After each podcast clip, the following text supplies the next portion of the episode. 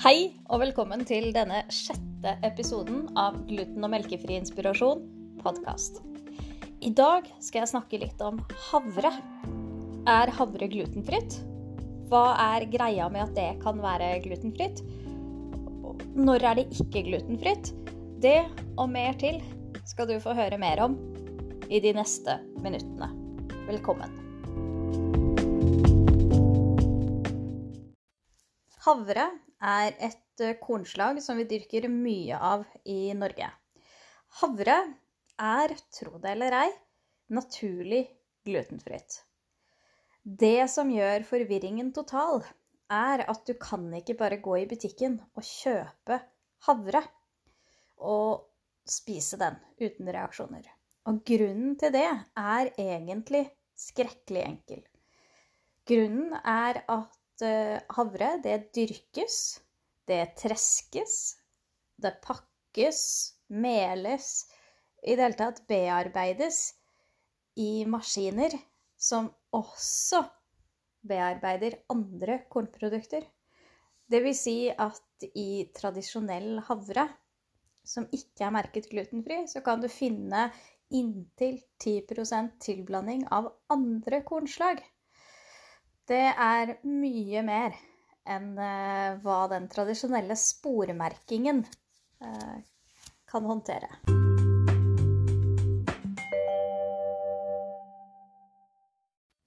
Havre er naturlig glutenfri, men den eh, blir jo da forurenset når den dyrkes. Dersom den ikke dyrkes under særdeles kontrollerte former, sånn som f.eks. Semper sin havre. For når eh, havre dyrkes, så kan den jo da dyrkes på et område hvor det har vært dyrket andre kornslag året før. Naboåkeren kan ha hvete. Den treskes med samme skurtrøsk som eh, nettopp trøska hvete. Den eh, males og pakkes i samme lokaler, og da sier det seg selv at innholdet av andre kornslag og gluten blir for høyt til at det kan spises av en med intoleranse av ulik grad. Den glutenfrie havren, derimot, den dyrkes jo da under særdeles kontrollerte omgivelser. Det vil si altså veien ifra valg av åkerlapp via såkorn til trøsking, maling og pakking til ferdig produkt. Alt er kontrollert glutenfritt. Det er fritt for iblanding av andre kornslag. Det finnes også havre som ikke har gjennomgått en så streng prosess. Det er havre som er spormerket. Det er havre som er merket med at den kan inneholde spor, eller inneholde spor. Det betyr akkurat det samme. Og hvor den da Det er helt ordinær havre som er målt til å inneholde mindre enn 20 ppm gluten. Det vil si altså under 20 parts per million med gluten. Og det er den grensen som eh, myndighetene har sagt at det skal tåles. Og det er jo det laveste nivået ved gluten som egentlig kan måles, sånn som jeg har fått det forklart. Um, og veldig mange tåler det, men en god del gjør ikke det. Og det er også grunnen til at uh, noe havreprodukter i den senere tid har blitt trukket tilbake fra markedet fordi den inneholdt for mye uh, parts per million, altså for mye gluten, i forhold til hva som er tillatt. Og da har man jo vært litt, eh, litt sånn kjapp på avtrekkeren med å få det i butikk i forhold til når analyseresultatene kom tilbake. Og det er jo veldig synd, fordi det svekker jo tilliten til produktet. Og samtidig så kan folk ha rukket å bli syke i mellomtiden. Og man får ingen erstatning for det man eventuelt har bakt, eller dager man var syk fra jobb, med, av å spise produktet, men man får et nytt produkt av samme produsent. Uh, og det er jo da en risiko man må være villig til å ta. Mange tåler det, mm, andre tåler det overhodet ikke. Uh, og der kommer jo også uh, dette begrepet lavgluten inn. Du må huske at glutenfritt, det er 20 ppm. Lavgluten er 100 ppm. Og Oatly, eksempel, de opererer jo da med 100 ppm og alle deres, på alle sine havreprodukter. Det vil si at eh, de inneholder vesentlig mer eh, gluten enn den glutenfrie havren som er eh, funnet glutenfri, kan du si. Men fortsatt såpass lite at eh, flere mener at de tåler det. Eh, jeg vet med meg selv at eh, det vil være for mye for meg. Så jeg kan ikke bruke Oatly sine produkter. Og samme problematikken har man med andre havreprodukter. Ser man havre uten parentes glutenfri, eller at det står noe annet sted at det er under 20 ppm, eller at det er merket enten glutenfri eller lavgluten, så er det helt tradisjonell havre. Det er det ikke en som er dyrket, ikke en som er testet, ingenting. Det er det helt tradisjonell havre med inntil så mye som 10% andre kornslag innblandet. Som betyr at det er rett og slett eh, ikke spiselig for eh, de av oss med intoleranse av uh, ulik art. Eller allergi.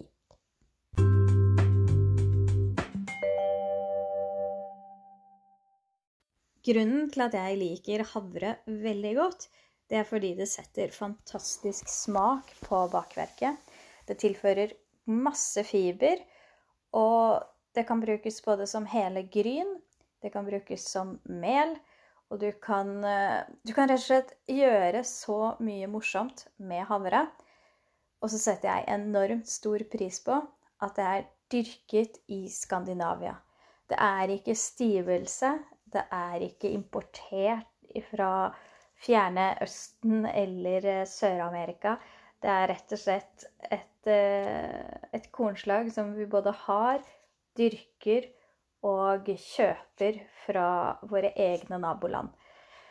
Og for meg i hvert fall så teller det veldig mye. Og så gir det meg en følelse av hva skal jeg si, normalitet.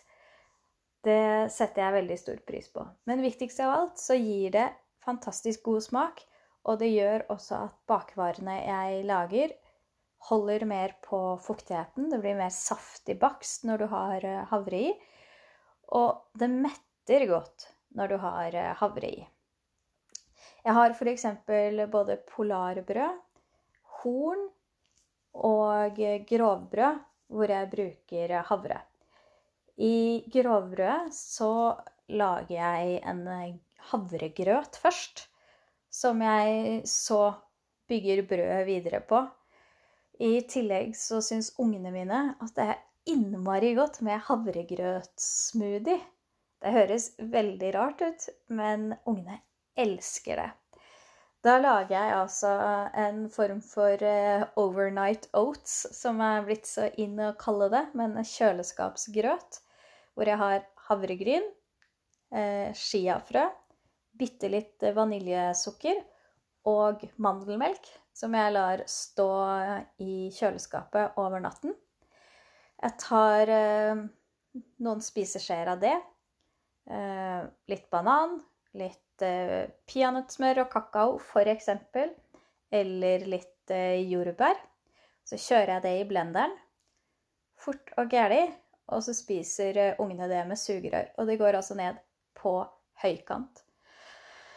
Og resultatet av det er at eh, ikke trenger de å spise den berømmelige brødskiva. Ikke trenger de noen annen kveldsmat. Og det kan også sendes med på skole og i barnehagen, så i stedet for eh, fruktmåltidet. Og det er en enkel måte å både få i dem væske og mat. Så jeg syns det er helt fantastisk anvendelig. I tillegg så bruker jeg jo veldig mye havre i vafler og pannekaker. Og igjen så handler det om dette her med å putte mest mulig næring inn i maten. Eh, I stedet for å bare spise sånn veldig stivelsesfull eh, eh, mat, da. I vafler så bruker jeg rett og slett min egen vaffeloppskrift og erstatter alt melet, eller 50-70% av det, med havremel. Erstatter jeg alt, så må jeg ha i litt fiberhusk i tillegg, fordi at bindeevnen til havremelet er jo ganske dårlig, siden det ikke er noe gluten i det.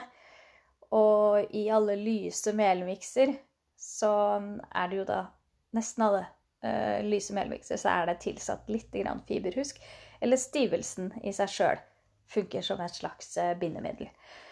Så jeg bruker da mandelmelk, egg, havremel, honning. Veldig godt med honning.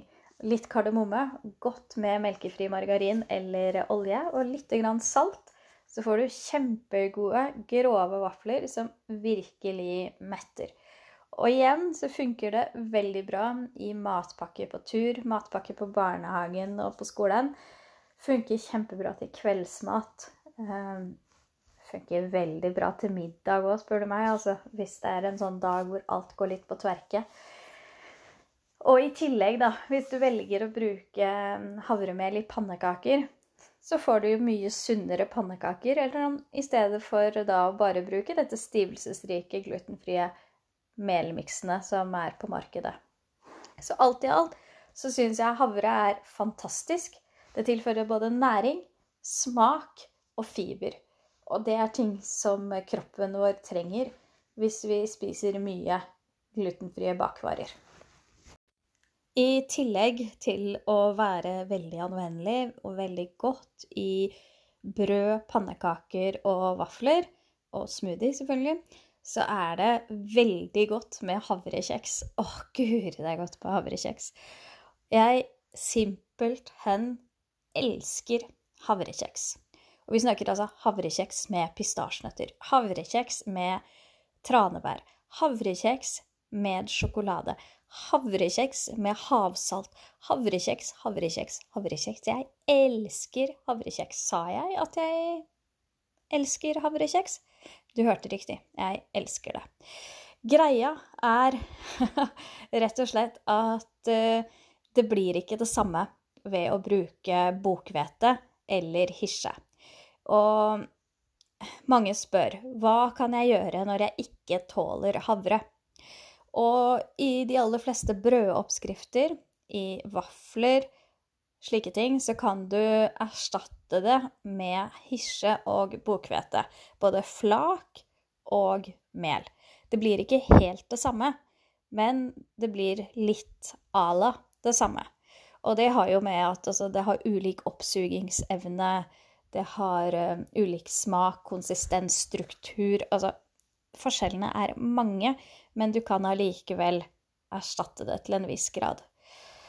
Når det kommer til kjeks, så syns jeg det er vanskeligere, fordi at der spiller selve smaken av havren en så utrolig stor rolle. Og dersom du har bytta til havre, nei, bytta til bokhvete eller hirse, så må du gi meg beskjed, og så må du si hvordan det blei. Fordi at der er jeg rett og slett veldig usikker. Ettersom jeg tåler havre, så den glutenfrie naturlig nok, så har jeg rett og slett ikke hatt noe behov for å prøve.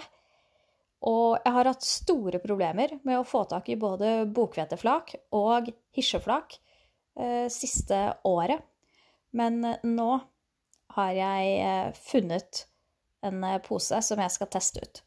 Men eh, jeg tror rett og slett ikke jeg blir å gjøre det med kjeks med det aller første. Men i brød så er også hirse og bukkhvete særdeles godt.